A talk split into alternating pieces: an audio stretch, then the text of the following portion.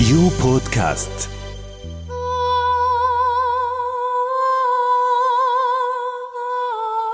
بودكاست آخر صفحة. كل حرف من الكتاب كتاب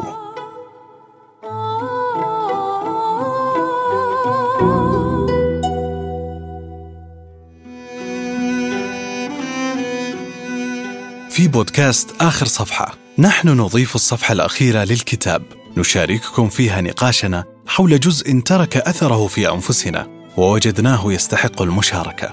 تعد لكم رهف العصار وأقدم بكل حب أنا خالد بن خلف اقتباس. أجل لقد حول الإسلام حياة الإنسان بتفاصيلها الكبيرة والصغيرة بجوانبها المتعددة بنشاطاتها المختلفة الغريزية والفكرية والروحية الضرورية منها والثانوية الفردية منها والجماعية. حولها جميعا إلى عبادة متصلة بالله. فطعامك عبادة وشرابك عبادة ونزهتك عبادة وعملك عبادة. حتى التلذذ بالطيبات حتى الابتسامة تبذلها للآخرين. عبادة لله تثاب عليها وترفعك في ميزان الله درجة. وحتى تحول كل هذه الأعمال إلى عبادة لله. ما عليك إلا أن تنوي بها إرضاء الله وأن تتجنب كل ما يغضبه أو يؤذي الآخرين. الإسلام يا عصام منهج حياة متكامل إنه دين ودنيا سياسة واقتصاد فن واجتماع حياة طاهرة فريدة لا تدانيها حياة.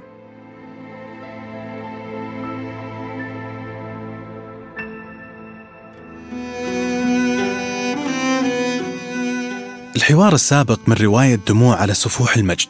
كان يدور في أحد أروقة الجامعة بين طالبين طب.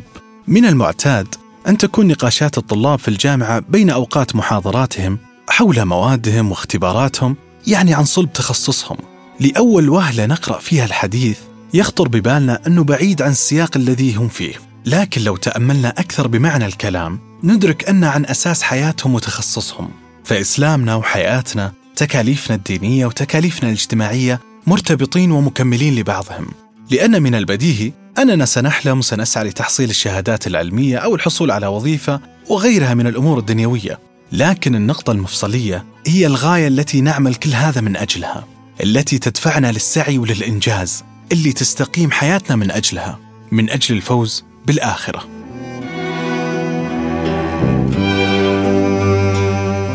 الإسلام منهج حياة متكامل فهو منهج رباني صادر عن خالق الإنسان للإنسان خصيصا ولم يوضع ليعيق الإنسان في حياته. على العكس وضعها الله ليرشدنا بتعاليمه إلى الطريق الصحيح في كل عمل لنا.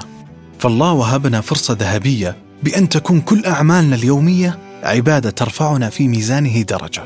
ولو اعتدنا استحضار هذا المبدأ وجعلناه أسلوب حياتنا لأصبحت أيامنا أكثر طمأنينة وتوفيق وراحة. قد تفكرون الآن بأن الطريق سيكون طويلا وصعبا في سبيل تطبيق كل اللي ذكرناه.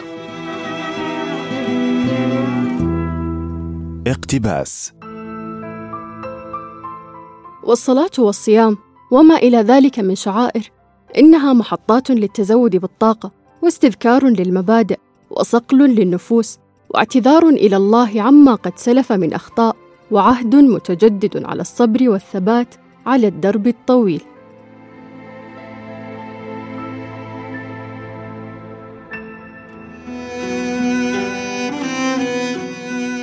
نعم الطريق طويل. لذلك سخر الله لنا تلك المحطات للتزود بالطاقة. فالله عندما أمرنا بجعل الإسلام أسلوب حياة وتطبيق مبادئ في كل أمورنا كان يعلم بالتأكيد أننا بشر.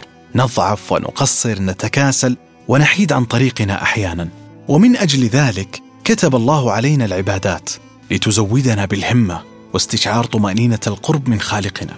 لنتقوى على بذل المزيد ونستمر في السعي للفوز في قربه الدائم في جنات النعيم. ففي يوم ما سيطوي الموت كل هذه الحياة ولن يبقى لدينا منها سوى غايتنا وهدفنا فيها. كنا قد سألنا بعض من قرأوا رواية دموع على سفوح المجد للدكتور عماد زكي عن الأثر والتغيير الذي صنعته الرواية في أسلوب حياتهم. وشاركنا عبد الرحمن رأيه.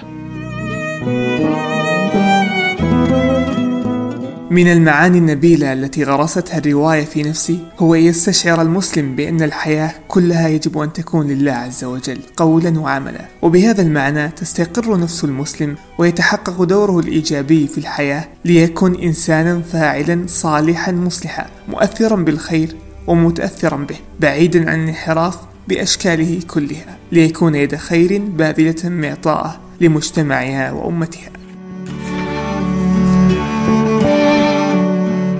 هذه كانت آخر حلقة من بودكاست آخر صفحة في موسمه الأول.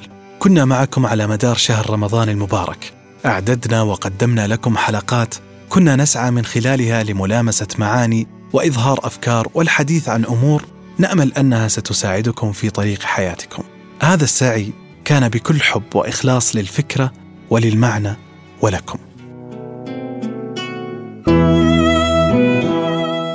آخر صفحة سيعود لكم قريبا بإذن الله وسنواصل طريقنا في البحث عن نفائس الكتب والاقتباسات.